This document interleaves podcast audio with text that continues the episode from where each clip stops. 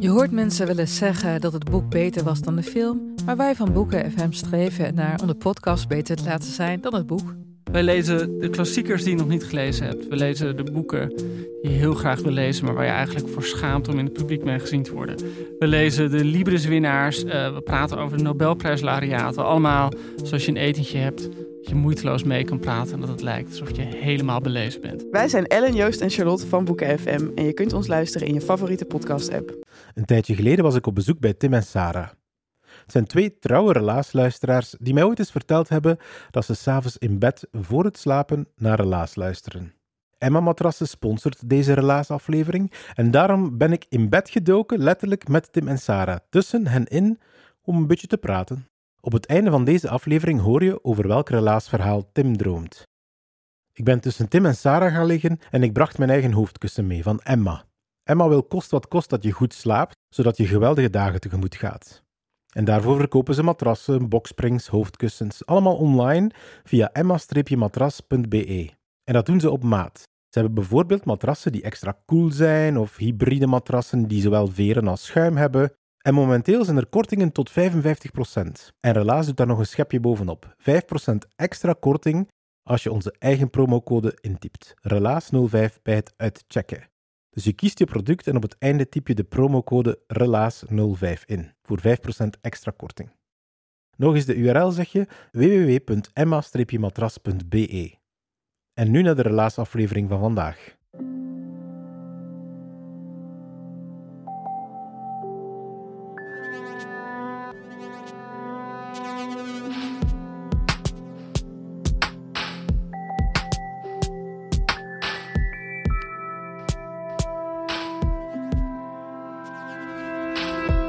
Hey, ik ben Pieter van Relaas. In Relaas hoor je waar gebeurde verhalen en die worden verteld door de mensen die ze zelf hebben meegemaakt. Je kent misschien dat gevoel, er schuurt iets van binnen, er bruist iets van binnen en er moet eruit, je wordt er zenuwachtig van, je wil uitbreken. En wat doe je dan? Ja, je koopt bijvoorbeeld iets, een koersfiets, of je maakt een wereldreis, je gaat gaan shoppen, je gaat vrijwilligerswerk doen. Wel, Nathalie die wil dat allemaal samen in één keer.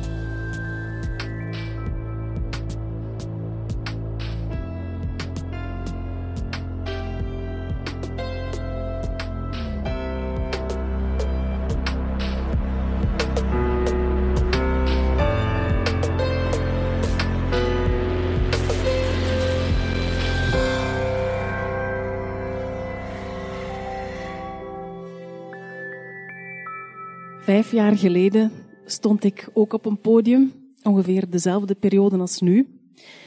Ik was toen net terug van een jaar weg met de fiets. En ik was uitgenodigd om te komen spreken op een inspiratieavond. En het thema was sterke vrouwen. En ja, ik had wel iets strafs gedaan, want ik was een jaar weg geweest met de fiets als vrouw alleen en zelfs als ik daar nu op terugkijk, vind ik dat ook toch wel iets strafs. Nu, um, het schuurde wel zo'n beetje na dat jaar.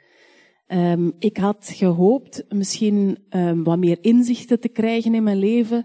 Dat was eigenlijk ook de reden waarom ik vertrokken was dat jaar. Ik, ja, er schuurde niets. Ik zat een beetje in de knoei. Ik zat zo in die fase in mijn leven waarbij ik dacht, is dit het nu? Is dit nu wat ik wil? Heeft dit eigenlijk wel heel veel zin en wil ik dit dan tot het einde van mijn dagen doen? Je zou dat ook een midlife crisis kunnen noemen. Nu, dat was eigenlijk een beetje een luxe probleem, want ik had een topjob. Ik uh, presenteerde voor Radio 2. Ik werkte dus voor de VRT. En ik had een vast contract en ik had een goed pensioen, dus wat was het probleem? Maar ja, ik zeg het, het uh, schuurde. En ik zat op een regionale zender van Radio 2, Radio 2 Antwerpen. En die brengen regionaal nieuws uit de provincie Antwerpen. En het nationale nieuws, dat, uh, dat brengen ze ook wel, maar dan moet daar zo'n regionale insteek aan gegeven worden. En het internationale nieuws, ja, dat doen we toch beter niet. Dus ik zat op een regionale zender en ik bracht daar het nieuws uit de provincie en ik was zo meer in een mindset uh, van van de wereld. Ik, ik wou grotere verhalen vertellen. En dus was het tijd dat ik vertrok op mijn fiets. En dat is op zich niet zo heel raar, want ik fiets al heel lang en ik fiets heel graag. En eigenlijk is dat een beetje begonnen uit noodzaak, dat fietsen. Um, ik was in een uh, mountainbike clubje en die deden op zondag van die toertochten. En één keer per jaar gingen ze dan ook verder weg en ze gingen de Mont Ventoux beklimmen. En ik wilde heel graag mee, maar ik voelde mij niet echt getraind. Dus ik dacht, weet je wat, als ik daar nu gewoon naartoe fiets, dan ben ik wel getraind tegen dat ik daar ben. En ja, het was net af met mijn lief, dus ik had eigenlijk niks beters te doen. En ik kocht mij een heel klein tentje en ik zette dat van achter op mijn fiets en ik was weg. En na twee dagen dacht ik, wow, dat is keiplezant. En op dag drie was ik al aan het plannen wanneer dat ik dan misschien het volgende jaar een keer drie maanden weg zou kunnen gaan. En ik heb dat ook gedaan. Dat fietsen, ja, dat heeft er eigenlijk wel gewoon altijd in gezeten, samen met dat avonturieren. Want toen ik zo'n jaar of negen of tien was, ging ik met mijn buurmeisje ook regelmatig op fietstrip.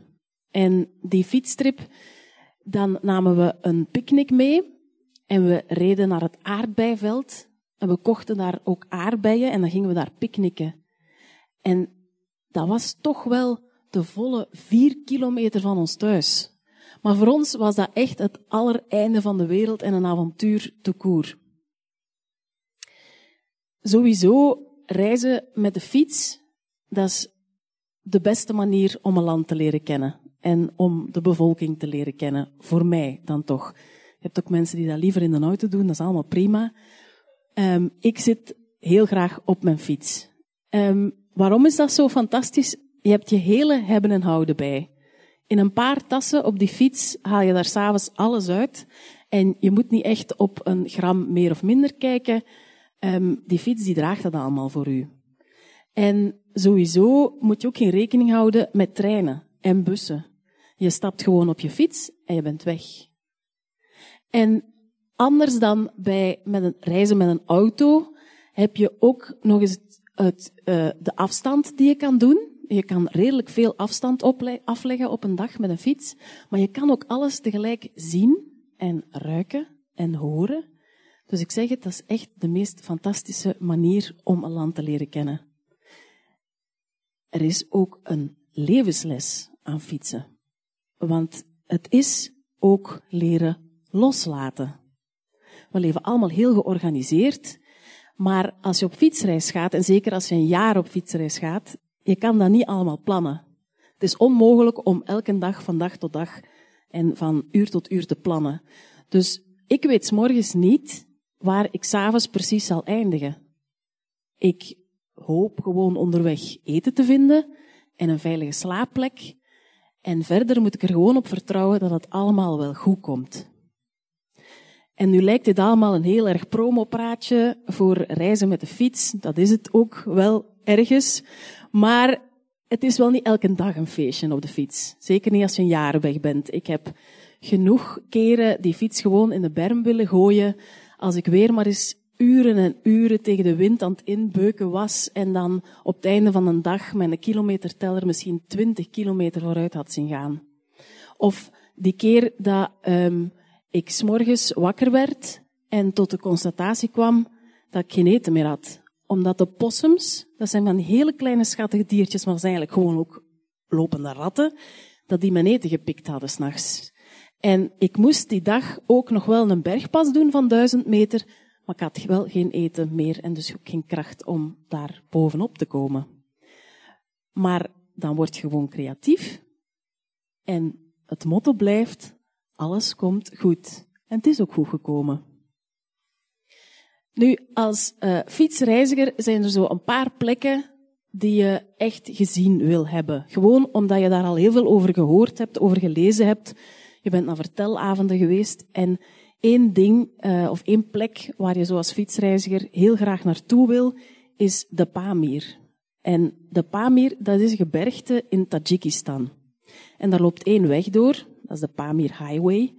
En je fietst dan ongeveer een week boven de 4000 meter in prachtige zichten. En ja, dat is gewoon een hele grote uitdaging om te doen. En ik dacht, ik ga dezelfde tactiek toepassen als bij die Mont Ventoux. Als ik daar naartoe fiets, tegen dat ik daar ben, zal ik wel getraind zijn. Dus ik paste dat in in dat jaar. En een aanloop daar naartoe was een ander land waar ik ook heel graag een keer wilde gaan fietsen. En dat was Iran. En als ik dat tegen mijn familie en vrienden zei, dan keken die me allemaal wel een klein beetje raar aan van wie wil er nu in godsnaam naar Iran gaan fietsen als vrouw alleen. Maar ik, ja, het stond heel hoog op mijn lijstje en ik dacht, ik ga dat gewoon doen. En ik kan u vertellen, het is het meest gastvrije land waar ik ooit gefietst heb. De mensen zijn zo geweldig gastvrij. Ze zijn heel blij dat je daar bent. Ze willen heel graag hun land laten zien en hoe fantastisch dat dat is. Ja, het enige vervelende is dat ze onder zo'n regime moeten leven. Maar die gastvrijheid, dat kent echt bijna geen grenzen. Als ik aan het fietsen was, stopte er regelmatig een auto. En daar kwam dan een vader, een moeder, een paar kinderen, soms nog een tante en een onkel en een oma en een opa uitgekropen. En die stopten me dan. En dan vroegen ze, heb je iets nodig? En of nog voor ik antwoord kon geven, stopten ze mij allerlei eten toe. En dat ging dan van nootjes tot nougat tot echt waar hele warme maaltijden met rijst en vlees en groenten. En ik liet het maar begaan. Ik liet het maar over mij komen. Het enige wat ze in ruil wilden, was een foto. Want ze wilden eigenlijk stoeven bij hun vrienden en familie. Kijk, hier is een vrouw geweest in ons land, alleen met de fiets. En wij zijn die tegengekomen. En als ze dan vroegen, heb je al een slaapplaats? Um, ja, meestal had ik geen slaapplaats. Dus dan zei ik, nee, ik heb geen slaapplaats. En dan werd ik uitgenodigd bij die mensen thuis. Je moet er wel bij nee, vertellen dat je dan wel een soort trofee bent. Dus uh, je wordt in de beste kamer van het huis op de mooiste stoel gezet. En dan begint de vrouw des huizes naar alle familieleden te bellen. En die komen dan allemaal van heinde en verre naar het huis om naar jou te kijken. Uh, het is voornamelijk ook kijken, want hun Engels is niet altijd zo goed. En voor de rest is het een beetje handen- en voetenwerk. Nu, het voordeel was wel dat um, ik dan meestal al een slaapplaats had voor de avond ervoor. Want er was altijd wel een familielid dat 100 kilometer verder woonde en dat mij plezier in huis nam de volgende dag. Dus ik heb daar een maand van het ene huis naar het andere gefietst, eigenlijk alsof ik daar uh, iedereen kende. Dus Iran, echt een aanrader. Een ander hoogtepunt een emotioneel hoogtepunt eigenlijk op die hele reis was toen ik voor het allereerst eh, in Tajikistan de Panch zag. En de Panch, dat is een, eh, een rivier. En die rivier, dat is de natuurlijke grens tussen Tajikistan en Afghanistan. Afghanistan na Iran, um, het wordt er niet exotischer op. En ik vond dat zo overweldigend om die te zien.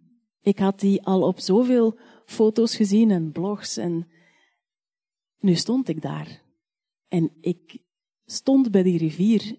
Ik was dus op eigen kracht, met mijn eigen benen, tot in Afghanistan gefietst. Zo voelde dat dan voor mij. Dat was in Afghanistan, ben daar nooit echt geweest, maar toch, ik ben naar Afghanistan gefietst. En dat pakte mij zo erg. Ik heb daar heel erg gehuild. Ik geef dat toe. Dat was verre van stoer. En ik heb heel veel gehuild. Dat stopte eigenlijk zo even niet. Um, en dat heeft mij echt de komende dagen nog heel erg lang geraakt, uh, dat moment. En nu eigenlijk nog altijd. Ik vind het nog altijd um, heel cool dat ik daar dan stond. Als ik verder fietste, dan blijf je zo 700 kilometer langs die punch fietsen. En die vallei is soms heel smal, soms is die heel breed. Ik fietste aan de Tajikse kant, maar ik keek dus altijd wel uit op die Afghaanse kant. En dat was echt super onherbergzaam. daar woonden wel mensen, maar die woonden echt zo tegen een rots geplakt met dan een heel klein beetje groen. En het is daar ook dat ik voor de allereerste keer um, witte tenten zag met de letters WFP op. En dat waren tenten van het World Food Program. Dat is de, de Wereldvoedsel, uh, het Wereldvoedselprogramma van de Verenigde Naties. En toen besefte ik voor de allereerste keer, die mensen zijn echt arm. Die zijn zo arm dat ze voedselhulp nodig hebben om gewoon hier te kunnen overleven. En dat was dan ineens ook mijn eerste inzicht dat ik kreeg op die reis. Ik dacht, amai, dat wil ik doen. Ik wil iets goed terugdoen voor de mensen. Want ik heb ondertussen al zoveel gekregen dat ik eigenlijk graag iets terug wil doen en dat die mensen het beter hebben. Maar dan liep ik zo wat tegen mijn eigen beperkingen aan, want ik ben geen dokter en ik ben geen verpleegster. En ik heb een uh, diploma ja, meester in de dramatische kunsten. Ik denk niet dat je daar ver mee komt bij de Verenigde Naties. Um, maar ja, ik zette het maar opzij. Ik zou wel zien wat er gebeuren, zou gebeuren.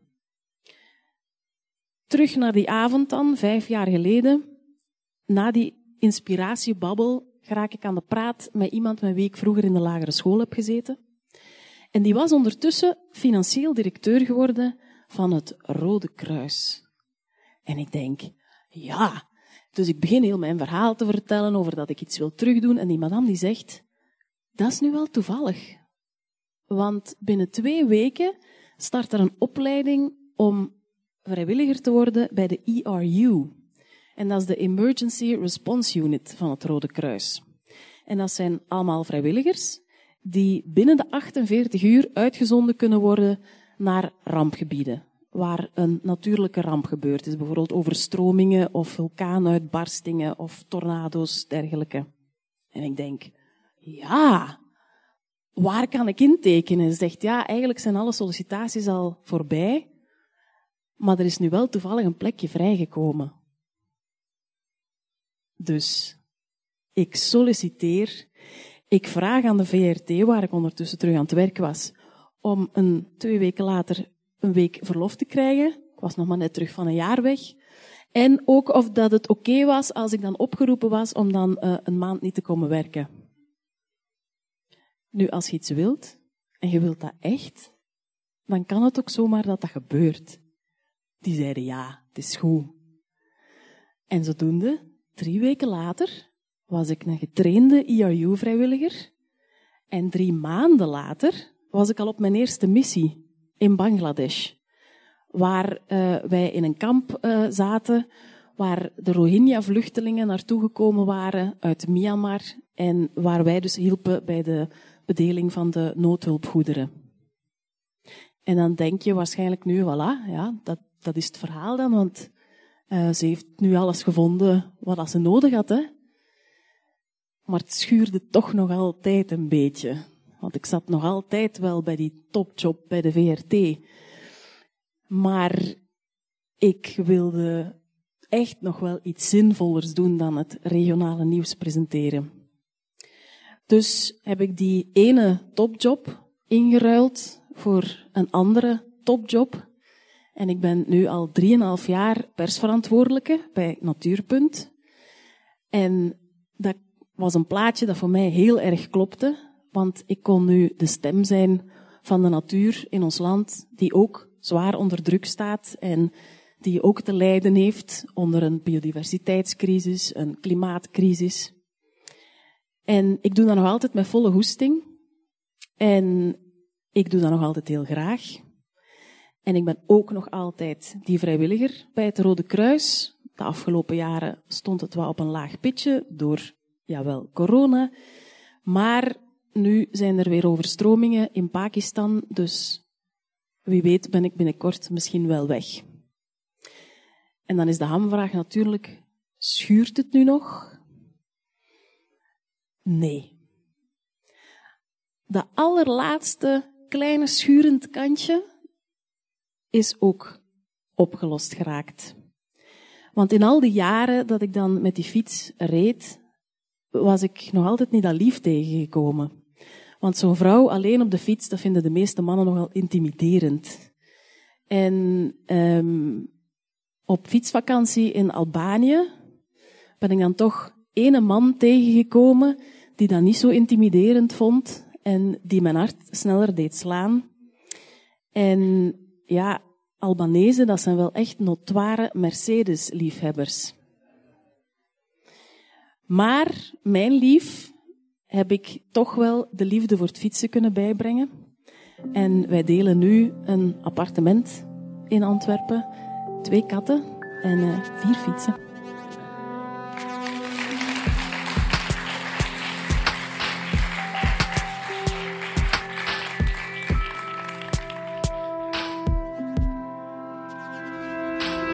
Dat was het relaas van Nathalie. Ze heeft het verteld in het bos in Antwerpen.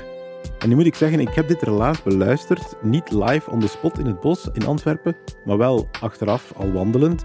En ik hoorde fluitende vogeltjes en ik dacht, ja, een bos, dat klopt. Maar blijkbaar, ik heb het achteraf eens opgezocht, het bos is eigenlijk een hele mooie artistieke residentie in Antwerpen zelf. Dus die vogeltjes die kwamen niet uit mijn koptelefoon. We hebben bij Relaas vaak reisverhalen. Hè. Reizen bezorgt mensen nieuwe perspectieven op het leven. Uh, reizen is een beetje ontsnappen van het ene naar iets toelopen, naar iets anders toelopen. Ja, we zijn benieuwd naar jouw perspectief. Hoe heeft reizen jou veranderd? Laat het ons weten via relaas.be. En wie weet gaan we met jouw verhaal aan de slag. Je krijgt dan een Relaas coach toegewezen en die gaat stap voor stap door jouw verhaal tot het goed zit. Relaas wordt gemaakt door een groep vrijwilligers in Antwerpen, Gent en Brugge. Wij worden aangestuurd door één iemand, een coördinator, en die hebben wij keihard nodig, geloof ons, om Relaas in goede banen te leiden. En we hebben daarvoor jouw hulp nodig. Hè. We krijgen inderdaad steun van de afdeling cultuur van de stad Gent en van de Vlaamse gemeenschap. En af en toe hoor je nu ook reclame in deze podcast. Maar ik ga heel eerlijk zijn, om de rekeningen betaald te krijgen, hebben we ook jouw hulp een beetje nodig. Dus je kan vriend van de show worden, dat kost jou 2,5 euro per maand. En dan krijg je van ons exclusieve relaasverhalen, extra relaasverhalen. En dan kom je bijvoorbeeld te weten waarom er twee elektriciteitsdraden loshangen in de badkamer van Jannes. En wat dat je daar als kind allemaal mee kan doen. Creatieve dingen.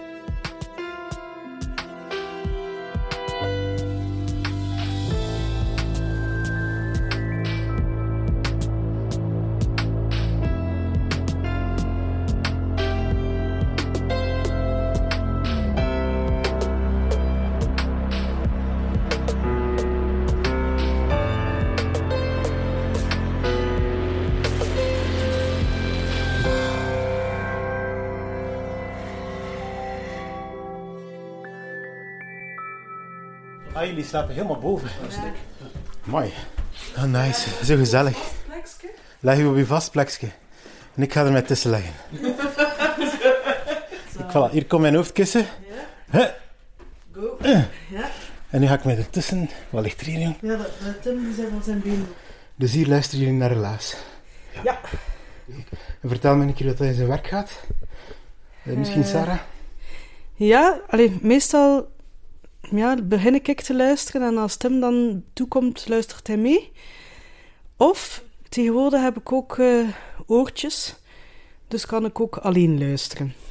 Oeh, en uh, dat is hier ergens op een box dat je dat afspeelt of zo? GSM. Op de gsm gewoon, hè. Ofwel gewoon op de gsm, ofwel op de oortjes.